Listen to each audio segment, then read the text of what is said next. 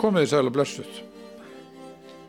Tilfinningar er umræð efni í þessari röð samtala við Torfi Túlnjús fáum til okkar góða gesti hér á í hverju viku og uh, nú er það Sif Ríkardsdóttir bókmyndafræðingur sem er sest hjá okkur, verður velkomin Sif. Takk fyrir það. Sif Ríkarsdóttir útskrifaðist með bíapróf í almennri bókmentafræði frá Háskóla Íslands og Háskólanum í Konstans í Þískalandi 1996. Hún lög mistaragráðu 1998 í samanburðarbókmentum frá Háskólanum í Chapel Hill í Norður Karolínu og doktorsprófi í sömugrein frá Washington Háskóla í St. Louis, Missouri árið 2006. Sif kom heim og starfaði fyrst sem sérfræðingur við hugvísindastofnun Háskóla Íslands frá 2007 en 2012 var hún ráðin lektor í almennri bókmetafræði við Háskóla Íslands og síðan 2017 hefur hún gengt profesorstöðu í sömu grein. Sif hefur ávinnið sér mjög gott orð hérlendis og erlendis fyrir fræðastörf sín en sem sannur samanburðarbókmetafræðingur starfar hún á mörgum tungumála og menningar heima. Hún hefur sérhæft sig í miðaldabókmentum og er jafnvíg á franskar, enskar og íslenskar miðaldabókmentir. Sif hefur byrst fjöldanallana fræðilegum greinum og bókarköplum, auk þess sem hún hefur rittstýrt bókum og skipulagt alþjóðlega ráðstefnur. Hún er höfundur tvekja bóka, báðar á ennsku, svo fyrir heitir Medieval Translations and Cultural Discourse, The Movement of Texts in England, France and Scandinavia og kom út 2012. Þar fjallar hún um texta sem flytjast millir landa og menningar heima og miðöldum, hvernig þeir breytast eða þeir komi, koma inn í nýtt samhengi. Mjög áhugaverð bók þar sem saman koma þýðingafræði, menningasaga og bókmentaríni. Setnibókin er tilefni spjálsins okkar í dag. Súbók kom út 2017 og heitir Emotion in Old Norse Literature, Translation, Voices, Contacts. Þarna ber vel í veiði fyrir okkur sem stýrum þessari þáttaröðum tilfinningar því okkur langar einmitt til að vita meira um það hvernig forfeður okkar á sögöld, til dæmis Egil Skallagrimsson og Guðrún Ósvífursdóttir eða kannski öllu heldur höfundar sagnana um þetta ágæta fólk, hugsaði, skrifaði og jafnvel upplifði tilfinningar. Velkomin Sif! Þú kemur að íslenskum miðaldabókmöntum úr svolítið annari átt en flestir íslenski fræðimenn að því leiti að þú ert mjög vel heima í evróskum miðaldabókmöntum Um það bil sem bókmyndir á þjóðtungum verða til í Evrópu frá með 12. öldinni má líka segja sé að eiga sér stað eins konar tilfinningabilding í menningunni. Bilding sem byrtist meðal annars í hvaðskap trúbadúra í Suðufraklandi og svo í svokallum rómönsum. Getur þú sagt okkur eitthvað meira um þetta? Já, það er nú uh, svolítið saga að segja frá því. Að það kemur, um, þetta verður til í kringum í raun fyrstu rannsóknum mína, þar sem fyrstu bókina kemur eiginlega upp úr henni að uh, þegar ég var að vinna að þessum rannsóknum á hvernig Róminsvöldnar hefðu dreifst yfir til, til uh, Noregs og síðan til Íslands að uh, það sem ég einmitt upplifði var að bera saman í raun þessar um, þá bæði, bæði hérna, hetjuljóð, hetjukvæði, frönsk og rómensur og svo Íslandikasögurnar að maður fór að hugsa svona þessar þessi tilfinninga ofsi oft og, og, hérna, og tjáning tilfinninga í þessum bókmyndum að hvernig hefur þetta eiginlega flist, flust yfir? Og, uh, og það er nú kannski svona uppsprettan að þessu en það sem er kannski aðtílisveit er að uh, og var nú rætt náttúrulega hérna svolítið í síðustu viku þar að segja þessi, þessi mismunandi menningar heimar og hvernig, hvernig tilfinningarna tengjast þeim er að tilfinningar sem við sjáum einmitt í Rómanssonum um, eiga sér í raun uppruna úr samfélagslegum og menningarlegum aðstæðum í Fraklandi á, á 12. öldinni og, og aðeins fyrir það um, með þróun meðal annars þessar trúbótora og þessara, þessara ljóða eða kvæða sem verið að syngja sem verið að kvæða þá líka til kvenna mm -hmm. Það stundum verið sagt að Ástinn hafi verið fundin upp í Fraklandi á 12. öld er, er, er eitthvað til í því? Að einhver leitum á ég að segja það vegna það, það breytast í rauneru við, við svona kannski gefum okkur ef að með maður segir sagt, með, með ást, við vitum alltaf hvað ást er og, og, og svo leiðis, en, en ást í sjálfu sér er líka menningaböndin þar að segja hún er, hún er hérna, fyrirbæri sem breytist mjög mikið í gegnum aldirnar og, og tengjast alls ekkert eins og hjá okkur í dag hugmyndum um hjónabönd nöðsynlega á, á svona uppbrunna um, eða fyriröldum Þannig við sjáum í raun að, að ást uh, í, í þessum í, í heimi trúpatóra og rómansa að er eitthvað sem, að, sagt, um, er skapað í raun að einhver leiti til þess að, til þess að mynda ákveðin, ákveðin heim tilfinninga uh, sem tengdist í raun hugmyndum um hérna, hvernig maður hefðaði sér í hyrðinni þar að segja.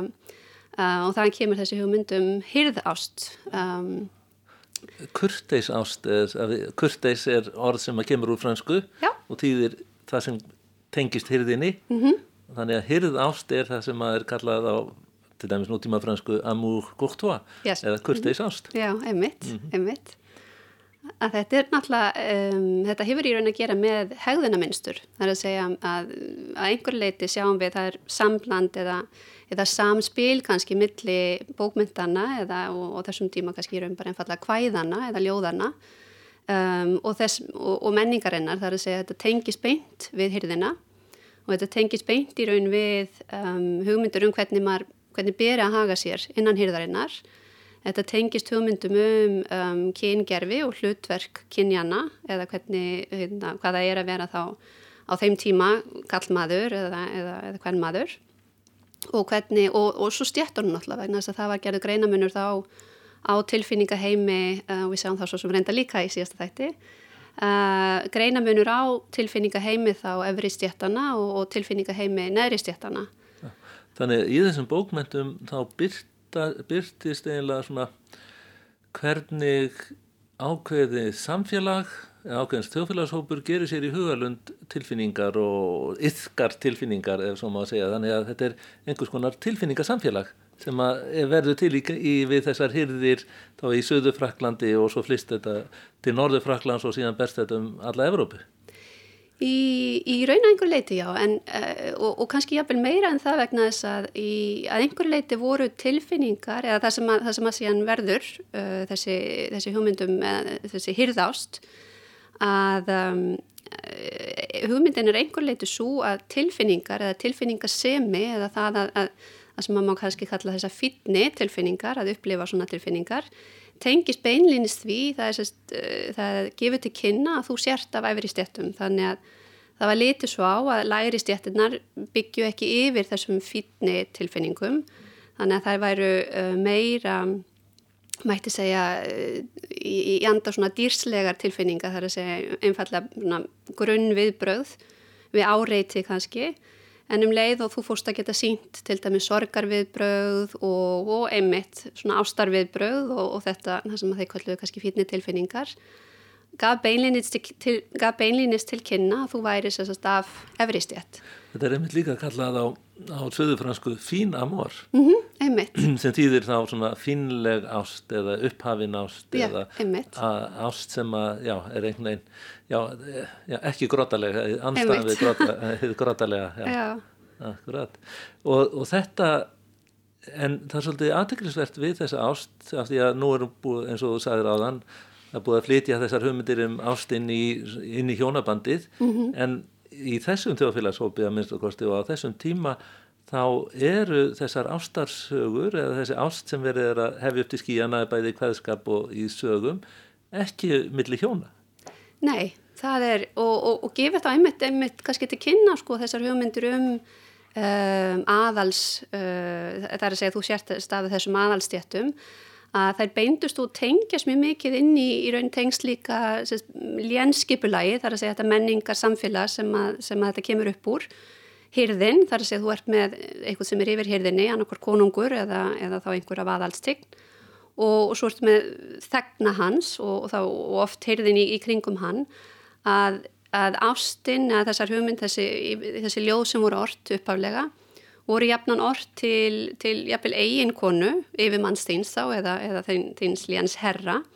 Uh, og, þó, og voru þá þar að leiðandi í raun, mætti segja kannski huglægar fyrir ykkar hendur en endilega líkamlegar að því, að því leiti að þær, þær lístu yfir þessari aðdáun og ást sem einhver leiti síðan um, mætti umbreyta í, í um, einhvers konar virðingavott við lénsherran og við sjáum í raun að það er það sem að síðan kemur í, í, í, hérna, í rittarasjónum verður sterkara að, að þegar maður talar um einmitt uh, amúr eða amor um, eða, eða ást sem sagt á fransku að, að það er mjög mikið verið að leika með þetta hugtak og, og það er mjög fjölþægt og fylgur mikið í sér en, en, en kannski í grunninn er það ofte mitt uh, tryggðarbönd eða trú gagvart lénsera. Það er að segja ástmiðli í raun þá. Þannig að skaldið yrkir um eigingonu lénsherans og tjáir honum henni mikla ást og jafnvel gyrnd mm. en það er til að heiðra lénsherran. Að einhver leiti, já. já. það, það, fylgur, það, það er náttúrulega viðingavottu gagvart henni því að það týðir í raun að hún er Hún er fallegri og aðdánaverðri og heldur en aðrar konur í, hérna, í, þá í, í fylkinu eða yfir hyrðina eða í landinu um, sem er um leið að hann er aðdánaverðri og, og því að hann, hann býr svo vel að eiga fallegustu konuna þá í landinu eða Þannig að verið að leika sér á okkunum mörgum, er það ekki? Jú. Það verið að kannski að þennja einhver mörg eh, hins lefiða, er það ekki? Það verið að leika sér að einu forbóðuna kannski? Að einhver leiti, jú. Þannig, og svo, svo sjáum við í raun að þetta breytir síðan smám saman á þessu tímambili fyrir þetta færast að fara þessi mörg á milli ástar uh, og svo hjónabann sem, sem um, samningsirun sem er einfallega gerðu milli, milli tvekja aðilega eða fjölskyldna yfirleitt milli tvekja kallmanna Um, að það smám saman fyrir þessi, fara þessi mörg á milli ástar og, og, og hjónaband þá að riðlast eða, eða ástin fyrir að færast yfir, í, yfir á hugmyndur um hjónabandi eins og við sjáum náttúrulega í dag. En, en stundum var farið yfir mörgin og það er einn mjög fræg hraga um það sem er eh, og einhverju leiti er ekki hægt að kenna elskendunum um það og kannski þú getur sagt okkur meira um það það er sagan, einn fræga saga af elskendunum Tristan og Ísolt mm Já, hún alltaf, uh, og einhverju þetta kannski má segja að hún hafi jafnvel verið eins og fyrsta sem er að koma, sem er týtt yfir á, á Norrænu. Já, og, uh, og líka hún er smíðu miðalda, þetta er ekki saga sem berst sko úr fornöld eða eitthvað svolítið, þetta er saga sem að einhver, einhver einhverjir mm -hmm. setja saman á miðaldum og akkurat í þessum svona, akkurat á þessum tíma þegar að hyrðástinn er að riða sér til rúms. Já, en hún er, mjög, hún, hún er náttúrulega mjög sérstökn en þar ferðu í raun yfir þessi mörg þar að Já. þessi mörg á milli uh, í forbóna, það er ekki lengur um, þar að segja að, að ástins að, uh, þau, þau njóta hennar en, þau, en þau get ekki að því gert sko. Nei, og Tristan er, er uh, sýstursvonur konungsins, mm -hmm. Mark Markisar mm -hmm. og hann er sendur til að byggja uh, prinsessu á Írlandi mm -hmm. sem heitir Ísold og hann gerir það og þó að þau sé ung og falleg og líst svo sem ágjörlega hvort og annað þá er ekkert verið, að, ekkert verið að fara út af sporinu en hvað gerist á leiðinni frá Írlandi til uh, Cornwall? Hann, hann, sagt, honum, hann fær hérna drikk, svona ástardrikk sem að sem hann á að, hann átti að fara með sagt, til hérna markísar um, til, á, fyrir, fyrir nóttina fyrir Já, til að þessi, þetta svona hjónabann sem var búið að semjum án þess að eh, hjónin hefðu hitt hvort, an, hitt hvort annað áður að til þess að ástil myndi takast millir þeirra Já. en hvað gerist? En svo, svo fyrir mistök sagt, þá, þá drekka þau bæði uh, drikkin og, og, og þar er leiðandi verða ástfangin og, og hérna, eða, eða, eða þessi ástarbruni um, hefst hjá þeim sem er náttúrulega bæði um, og þarna sjáum við akkurat þetta tvíræða tvíræða að þetta er bæði gyrnd og ást, þar er að segja ást sem er þá, maður kalla andlega eða huglæg en ekki, en ekki líkamleg. Um, Þetta var óbærilega ást stendur í, í formála þessum þýtti sögun yfir á Norrænu. Já, en það er aðtökilsvært að þú skulir akkurat minnast að það að þessi hluti þegar það sem er þýtt að óbærilega ást er ekki til á fransku. Aha. Það er að segja við vitum í raun ekki hvað stóð í franska tekstanum mm. að hérna þegar fyrsti hluti franska tekstans hefur ekki varfist þannig við höfum, við höfum þýska þýðingu á þessum teksta og við höfum íslenska eða, eða fornnorranna uh, þýðing á þessum texta og, og í íslenska textanum eða, eða fornnorranna textanum kemur fram að þetta sé óbærilega ást en það er ekki, sem, það er ekki þar með sagt að það hefur verið svo leiðis í franska textanum. Norrænu fólki kann að fundist þetta óbærilegt en frakkanum fannst þetta kannski bara allt í lægi. Já, það er greinilegt að sá sem að þýtti þennan texta sem að væntalega hefur verið klerkur. Hún er misböð greinilega svo litið mikið hvað var að gerast. Uh, og það er kannski líka aðeins því að þetta er líklega þýtt við hyrð hákonar, hákonar svona mm. konungs í Noregi. Og þá má gefa sér að það veri kannski svo litið undarlegt að vera því að texta um, um framhjáhald, hérna drottningar um, en og þannig við sjáum að við berum saman franska textan og norranna textan meðan í franska textan við mjög mikið verið að leika sér að í raun uh, þar að segja þessari sorg og erfileikum í tengslu við sambandi þeirra, þar að segja þessari mik miklu dramatík sem, fel, sem að hérna, þetta forbóðan ástasamband náttúrulega er En að samaskeppi nautninni og, og, og ánægjunni, þar að segja að tala um delete á fransku, þar að segja svona þessi... þessi unaður, eða ekki? Eða? Já, unaður og fullnæging og, og nautn. Þannig að það er mjög mikið verið að leika sér í raun að þessari tvíræðu, þar að segja annarsvegar gleðinni og ástinni og þessum, mm. þessari fullnæging og það er nautn. Já. Herra, nú erum við akkurat að koma að því hvernig norrænu þýðendurnir þýttu allar þessar tilfinningar yfir að set, úr allt öðru menningarheimi yfir í þennan norræna. En áður en við gerum það og þú, sem þú fjallar svo vel um þá langar mig aðeins bara að heyra um er ekki fleiri tilfinningar en bara ást bæði andleg og holdleg sem að verið er að fjalla um í þessum franskum miðaldabókmentum sem að báruð síðan um allan heim og hingað norður Jú, það er náttúrulega verið að fjalla um uh, alls konar mismöndi tilfinningar. Um, ásti kannski einhverju leiti ríkjandi en alls ekki, alls ekki svo eina. Um, það er náttúrulega mikil sorg oft, uh, það er sérst ást og sorg og svo í, og reyði jafnvel og, og mjög, mjög fjölbreytilegar, sérst svona fjölbreyt, mikil breytt af tilfinningum þar sem mikið af tilfinninga orðum sem eru nótuð, uh, mikil fjölbreytileiki í þeim orðum sem eru nótuð Uh, til að lýsa í raun þessu tilfinningarófi um, tengdum atbyrðum. Já, ef við tökum til þessi annar dæmi af, af fransku, annari franskri bókumdagrein sem var þýtt á Norrænu á, á miðaldum, það er Rólandskviða mm -hmm. sem tilir allt annari bókumdagrein, þarna eru hermenn og, og þetta eru eiginlega tilfinningar hermanna mm -hmm. og þannig að það reyði mjög mm -hmm. mikið öfund Ástin er valla til í þessum allan að sumum þessara, eh, þessara uh, hvaða þannig að þetta er þetta er heilmikið róf tilfinninga er það ekki sem að um, byrtist einmitt eins og þú segir í, í þessum fransku bókmæntum og, og það síðan hefst þetta mikla þýðingastarf einhver tíman á mörgum 12. og 13. aldar og hvað gerist? Hvernig gengur að þýða allt þetta til, allan tilfinning og orðaforða yfir á norrænu? Já, það handla mjög aðtækst en þess að í raun sjá við með einmitt Rólandskviðu að það sem að er um, og þetta Rólandskvið alltaf segir frá í raun um, baráttu Karla Magnúsar sérst, uh, í, á Spáni eða í hérna, nálega Katalóníu.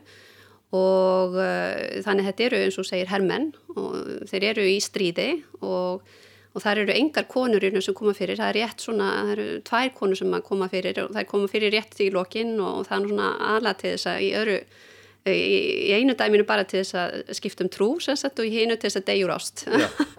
En mjög, mjög hratt og það fyrir lítið fyrir því, ég held að það sé einn ein sko, sem að, hérna, er eitt í það. Hins vegar er mér mikið um í raun annars konar ást, það er að segja aftur þessi í raun tengsl uh, við milli, ást á milli uh, Karla Magnúsar þessum, þessum hérna, liðsmannum hans og milli milli vina þá Já, ást til Jens herrans og ást til þá félaga í já, stríðinu. milli, já, já, þannig að það er mjög laung og dramatík lýsing til dæmis á því þegar að, þegar að besti vinnur eða félagi Rólands og hérna deyr og, og, og þá tilfinningarnar er mitt sem að, sem að Róland fyrir gegnum það er að segja sorgin og að sirkja og harma þennan dauða. Uh, og það, ef, ef maður ber það sama þá við til dæmis um, lýsingun á þegar hún deyr um, hún deyr sérst springur af harmi í rauninni verið að yfir að hérna, tilvonandi eiginmaður hafi, hafi látist að þá er það heldur eins og segi ein, ein setning og meðan að hinn eru, eru marga, marga, marga línur þar sem er að lýsa harminum og hvernig hann hljóðar og hann fellur í yfirlið og hann grætur og, og, svo, og svo drefur hann, mann ekki hversu marga hérna herrmenn til þess að af því hann er svo reyður, hann drefur, af því hann er svo reyður ég held að það skipti hundruðum eða jafnvel þúsundum sem hann eh, eh, Orlando Furioso er, er einmitt hérna er eh, setni tíma ítölsk sem þetta gerð. Eh, af, af sömu sögu.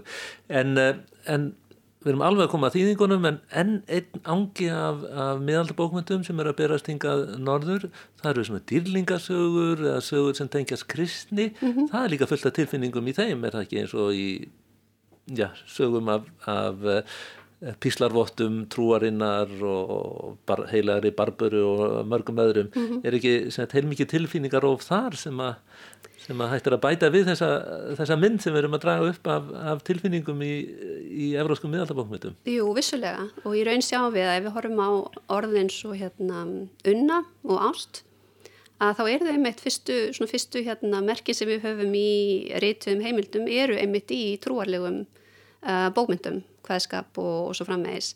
Um, en við sjáum síðan að það virðist síðan smitast inn í raun um, þessar svona veraldlegu bókmyndir í kannski svona upphafi eh, kringum 1300 kannski þannig að sjá vissast að þessar hugmyndir eru að færast frá því að vera trúarlegar þar sé ást er eitthvað sem beinist að þá guði um, þannig að þú að unna eða, eða, eða elska eða, eða ást er eitthvað sem hefur þá um, trúarlegt um, það, er, það, er ekki, það er ekki það snýst ekki um tilfinningamilli þá um, milli tveggja aðila korki þá Um, í þeim skynningi sem við leggjum í þetta þá í dag um, og það, á þeim tíma þá millir kalls og konu nýja millir endilega þá tvekja kallmanna sem þá, þá vináta uh, heldur er þetta eitthvað sem snýr, snýr að guði en við sjáum að það síðan breytist svona smá saman og færist yfir í þetta veraldlega samhengi.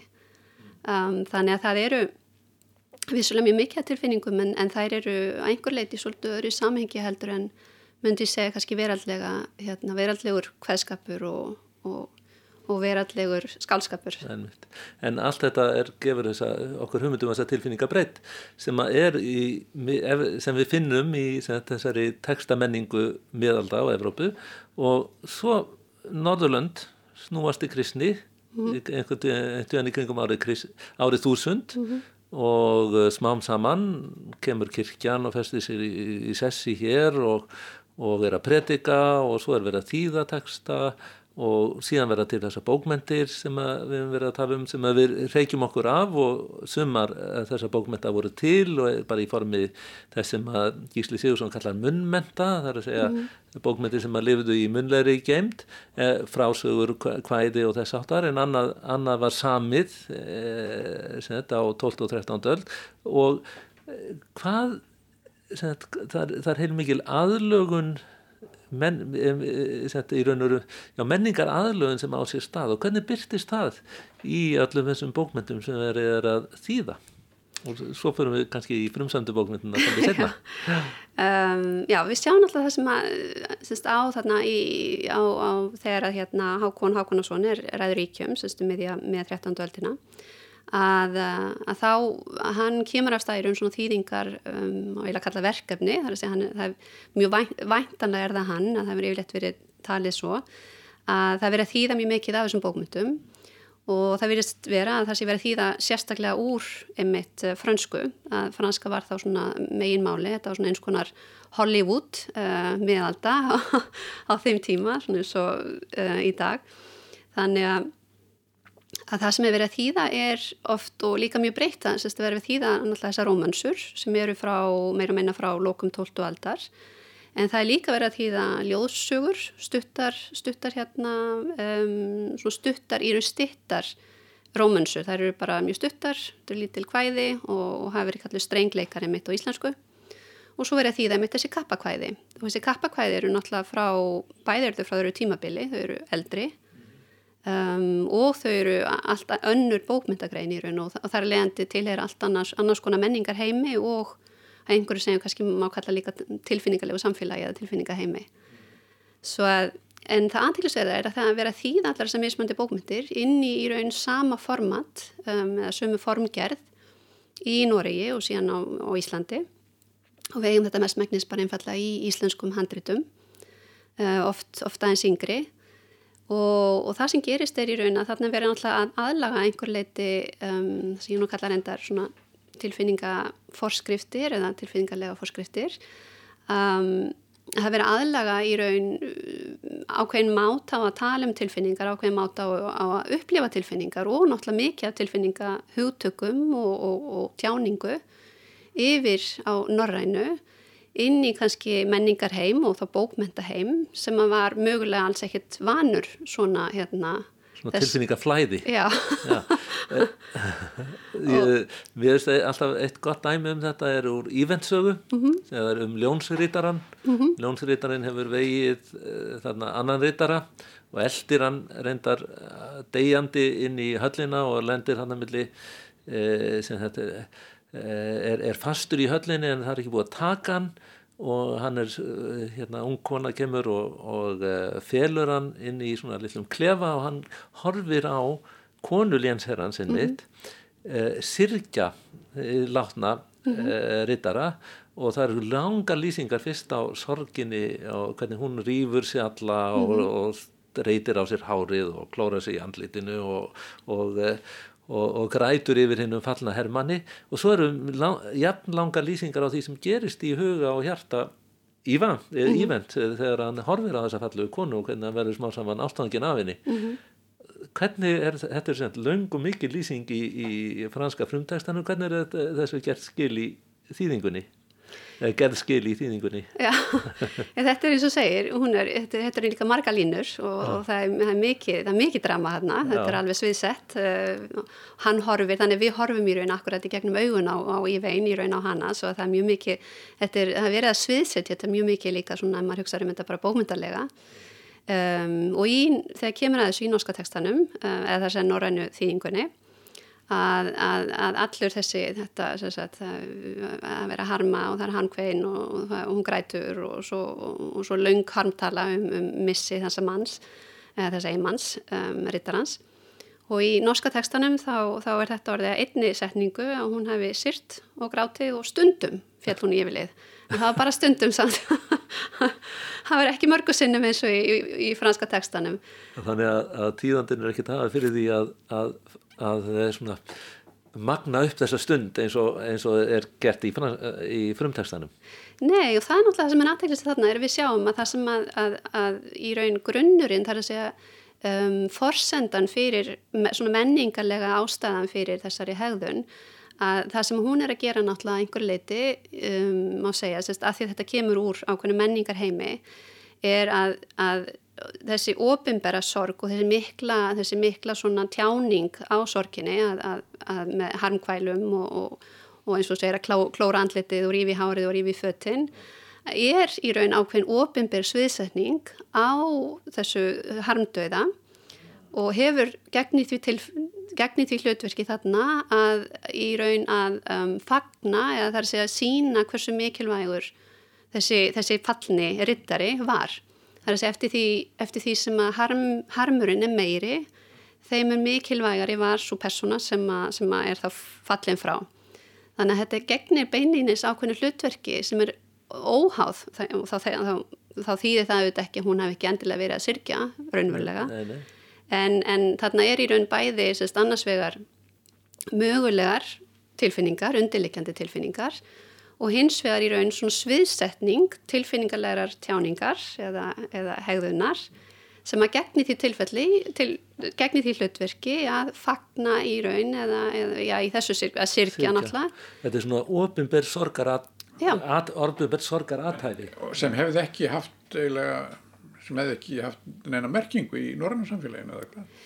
Þýðandinn e... bara hennilega ákvaða að slappa þessu vegna þetta, þetta áleitt það að þetta myndi ekki virka Við náttúrulega, við vitum svo sem kannski ekki nákvæmlega hvað, hvernig í raun svona sorgar, um, það er að segja hvernig normenn og íslendingar syrðu í raun á, á 13. öld um, og það er náttúrulega, það er svona ettu hvaði meðal annars hafi nú gefið til kynna það sé möguleiki að það hafi verið til svipað ferli en hins vegar er þetta ljóst að, að, að í, í okkar sko menningasamfélagi að, að þá var þessi, þessi hegðun sem að þarna sem er beintengt við þá lénskipulagið og beintengt við hugmyndir um lénsherra og, og hvernig hyrðin, því að öll hyrðin harmar þarna, hún fellur öll niður og grætur og, og sem er til þess að já, sem er til þess að upphefja allir sem ungir og jafnvel hundarnir.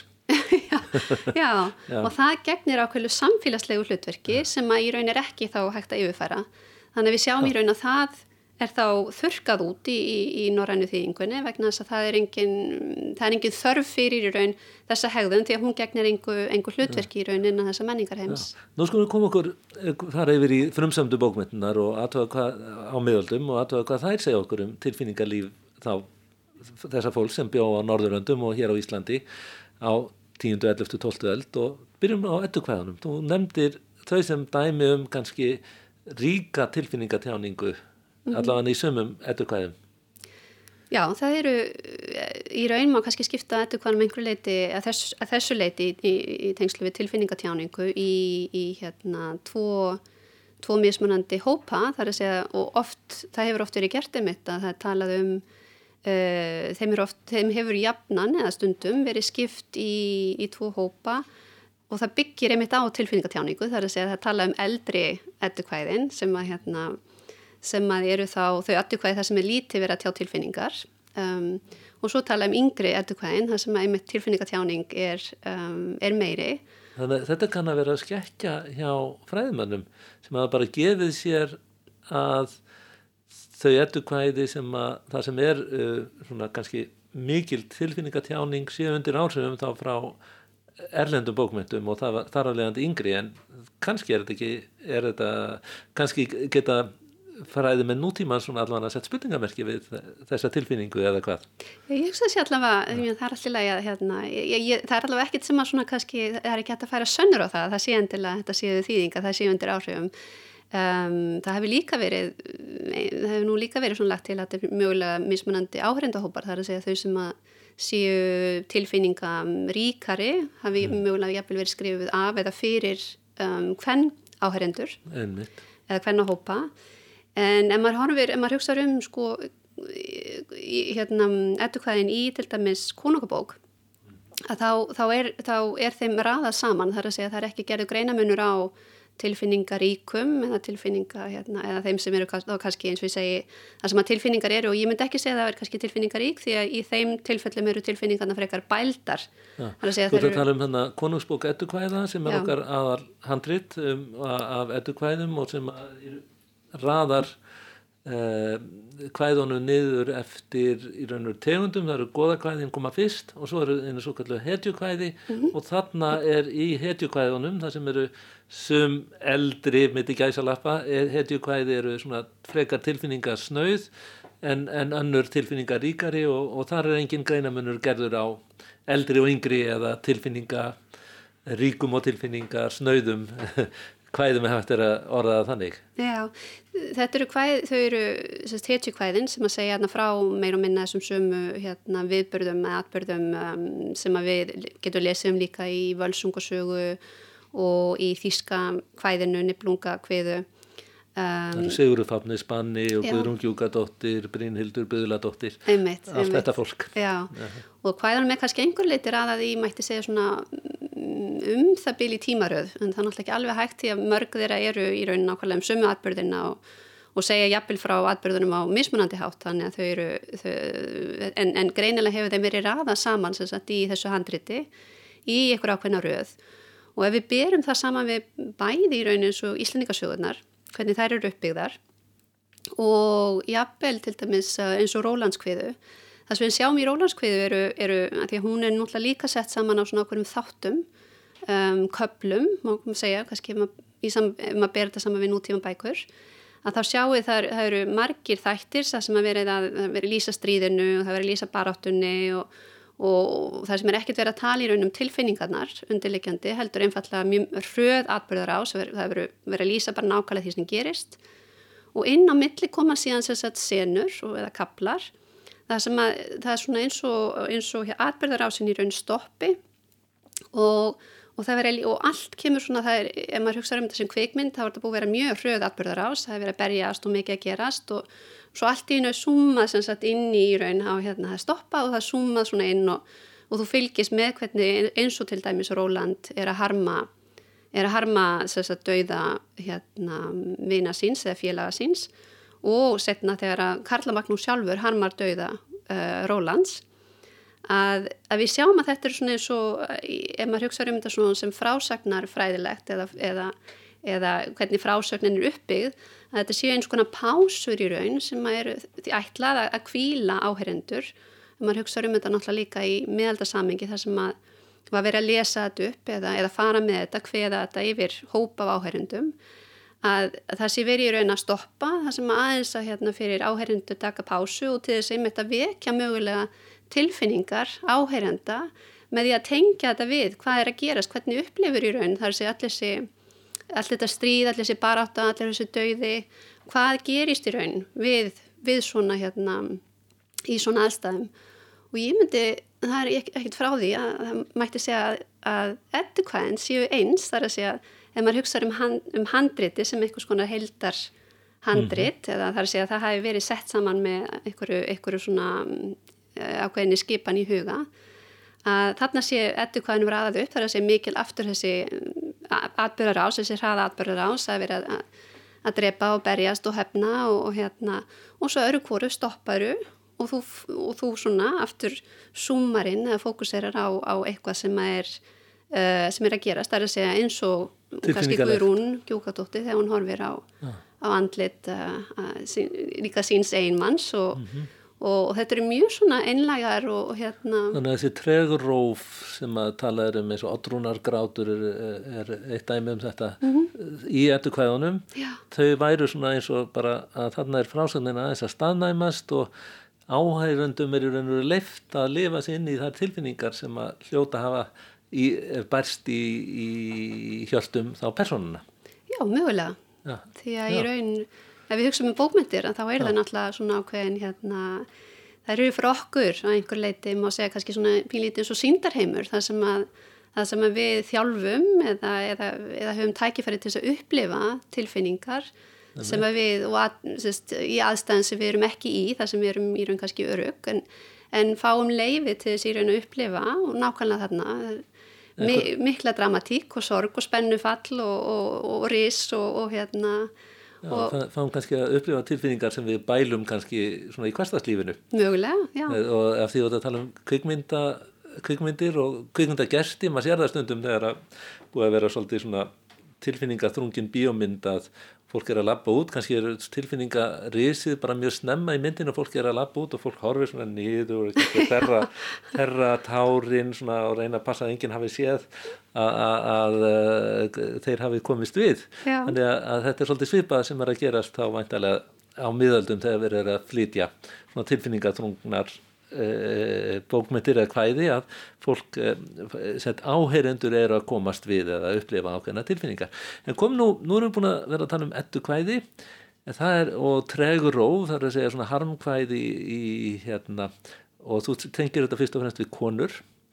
En við erum með dæmi og þú skrifar einmitt svo vel um það í, í bókinniðinni um, um, um tilfinningarleif í fornárænum bókmyndum eða tilfinningar í fornárænum bókmyndum þannig erum við með dæmi um kall og það er ekki hvaða kall sem er kall sem er frekar þekktu fyrir allt annað en finlegar tilfinningar það er að segja Egil Skallagrimsson mm -hmm. hann yrkir einmitt tregróf mm -hmm. getur þú sagt okkur svolítið um það? Já, það er alltaf líka, já, einhver leiti eiginlega frekar einstakt uh, ljóð því að það sem við sjáum, það er sjálfgeft að mann hafi svona insýn inn í í raun innri heim og, og, og tilfinningar um, einhvers á, á, á fornöldum sem skvort sem að þarna við erum að ræða um ljóð sem er samið á 13. öld eða ljóð sem er samið á 10. öld Já, við erum að tala um ljóði svona tóra Já, Já. Sem, að, sem að hann yrkir sér eftir um, eftir, eftir hérna dauða takja svona og, og í raun með þeirri senu sjá við aftur mjög einstakta insýn inn í einstakka hérna eiginlega innsæju jafnvel inn í einmitt hvað gerist uh, þar að segja í, þessu ferli, sorgaferli mm -hmm. um, þar sem hann einmitt uh, hann fer og sækir um, hann fer og sækir sérst líkama eða, eða hérna, lík svona síns mm, sem hefur farist í, já, í stormi á, borgarfyrðinum hann, hann, hann rýður og, og, og setur líkamann á hjá sér í, hérna á hestin Og, og, svo, það er mjög aðlýst að, að sjá hvernig, hvernig, hvernig frásögnin byggir þetta upp að, að hann segir ekki neitt. Mm. þannig að það grafar þögn í, í sögunni og það er líka mjög aðeins að sjá hvernig sagan sjálf í raun spilar með sagt, svona hljóð og þögn og tjáningu og, og hvernig hún notar þögna einhver leiti til þess að miðla emmitt undirlikjandi tilfinningum. Það er að segja til þess að virka þá í okkar tilfelli lesendur og á miðöldum þá áheyrendur til þess að í raun að fylla upp í þessa eiðu. Það er að segja að, að að ímynda sér eða, eða gefa, veita þessu, þessari senu og þá agli tilfinningar. Já, þannig erum við, fann, einmitt, mjög, þannig erum við að tala um akkurat eitt af því sem er talið einkenna frásagnarlist Íslendingasagna mm -hmm. að sína en skýra ekki mm -hmm. og að því leiti er það mjög ólíkt frásagnarlist einmitt fransku romansana sem að bara algjörlega útskýra og greina og, og tólka uh, mjög mikið Þann, uh, þannig er persónunni líst utanfrá en það er það, hún þeir sjálf persónan, mm -hmm. allan til að byrja með -hmm. og, og, uh, og sögumadurinn hver sem hann var uh, segir okkur ekki neitt, heldur bara sínir okkur og við erum sem lesendur og þá væntalega lesendur og áheyrendur á mm. miðöldum eru á, á, með sama hætti að velta í fyrir sér hvað er að gerast inn í þessari persónu sem að mm. er, er að upplifa þetta Já, já og því ég miðla á einhvern hátt um, já, ég, og þetta er náttúrulega og það er svo sem eitthvað sem er um, má segja kannski svona einkennandi fyrir íslendingasjóðunar hvernig að hlutum við mjög oft miðla með þögn. Um, að tilfinningar eru á einhver leiti með bældar niður eða við gefum okkur að það séu bældar niður. Við gefum okkur náttúrulega að hann sé að upplifa sorg um, mögulega og væntalega reyði líka eða, hérna, en, en um, það er að sjálfsögða ekki sagt. Þannig að, að einhver leiti uh, einhver leiti því það við erum að yfirfæra okkar eigin uh, tilfinningar eða okkar eigin hugmyndur um hvernig við myndum bregðast við þessum aðstæðum yfir á, á, á sögupersonuna mm. um, tekstin lýsir því síðan og það er aftur mjög aðtilsvægt að þessu líst alltaf frá sjónarhóli uh, viðstatra en það er, það er, það er gravarþögn, það er að segja engin annar segja neitt heldur því að þeir þú er ekki að segja neitt því að eigill eigill er alveg hérna, segir ekki neitt Það er samt eitt sem gerir sem að bendir til þess að það eitthvað hefur hreift við honum, ekki sagt Jú, og svo sjáum við að því lýsans að frá, frá þeir sem eru þarna í, í kringumann ja. að líka með hans belgist út Já. svo mikið að, að fötinn springi út af honum, utan ja. af honum og, og þá sjáum við í raun mögulega hugmyndir, annars vegar mögulega hugmyndir sko miðaldamanna um tilfinninga þar að segja þessar um, vessakenningu um að, um að tilfinninga séu í raun um, vestar sem að, sem að hérna, tengdar þessum vessum og vessakenningin eru sérst að við séum samsetta fjórum mismunandi vessum sem að séu á ferðinni um líkamann. Og, og þegar við erum í ójab, sérst, allt ójabægi, hvort sem að það er líkamlegt eða andlegt, séu ójabægi í þessum vessum. Og hugmynd þá um sorg eða, eða, eða harm að það, þar, þar sést uh, þá streymi upp til dæmis þessi vessi eða blóð og belgi út líkamann. Mm og, og þá sjáum við það bara beinlínis um, í, í þessari senu. Mm. Eða hins vegar þarna séum við komið með einhvers konar bókmyndalegt mótíf mm. um, þar að segja að það að, bel, að belgjast út um, gefið til kynna annars vegar uh, annarkvort reyði uh, þá belgist út að reyði eða, eða í þessu tilfelli sorg. Mm. Þannig að þetta er eina vísbendingin í textanum um sorg uh, um, um sorg eigils þetta hann, hann bólnar svona. En, en síðan hvað gerir svo? Og, og hvernig kemur hvæðið þá inn í þetta Svo, svo rýður hann heims en þá hefur hann ekki sagt neitt. Og hann, hann loka sig inn í, hérna, sig inn í um, ja, rúmi sínu sem er svona hérna Uh, svona hlutað af þannig að það er hægt að loka sér þar inni eins og, eins og loka sér inn í herbyggi og þetta er náttúrulega, um, maður hugsa bara um nútíma hérna kenningar um til dæmi sorgarviðbröð og, og þunglindi að þetta eru auðvitað í raun að mörguleiti mjög, mjög svipaðar uh, lýsingar þannig að þarna erum við mögulega að sjá einhvers konar um, og, og svo kemur dóttirinn Þorgerður og, og í raun og veru narrar hann til að drekka mjölk þannig að mm -hmm. hann mhm. getur ekki svelsi til bana og yrkir þetta kvæði og í bókinniðinni fjallar um mjög vel um svona leiðin í gegnum svona torreg sem svona í raun og lýsingur svolítið á sorgarferlinu. Já, í raun er svona torreg er, er hérna, það sem er aðtilsvægt náttúrulega er að við sjáum að það annars vegar er, er ákveðin munur á þar segja annars vegar prósin í, í, Íslandikasögunni, þar að segja sjálfi tekstin í sögunni, Já. þar sem að tilfinningar eru í raun, það forðast að lýsa tilfinningu beinlínes og um leið og við fyrir þarna yfir í ljóðformið sem Já. er þá náttúrulega á að vera rödd eigils sjálfs einmitt, að, að það að verið svona hérna, já, réttlætanlegur eða, eða, eða, eða einhvers konar uh, miðill fyrir tilfinningar. Einmitt. og í ljóðinu sjálfu lýsir hann og það er nú bara eiginlega næstu því mætti, mætti mála það á tauga lífræði í dag. Hann lýsir því eiginlega hvað sko á sér stað innra með honum. Það er að segja þessi, þessi erfileiki við í raun uh, tregðan við að, að hérna, finna réttu orðin að, að, Ljóður um trekt tungu að hræra Já. hann er byrjað kvæðið. Já, og, og, og, og þess bæði það að, að hérna, þessi líkamlega tregða, þar að segja líkamlega bregðist ekki við, þú ert að reyna að fá hann til að gera eitthvað, en, en hann einhvern veginn neyti að bregðast við.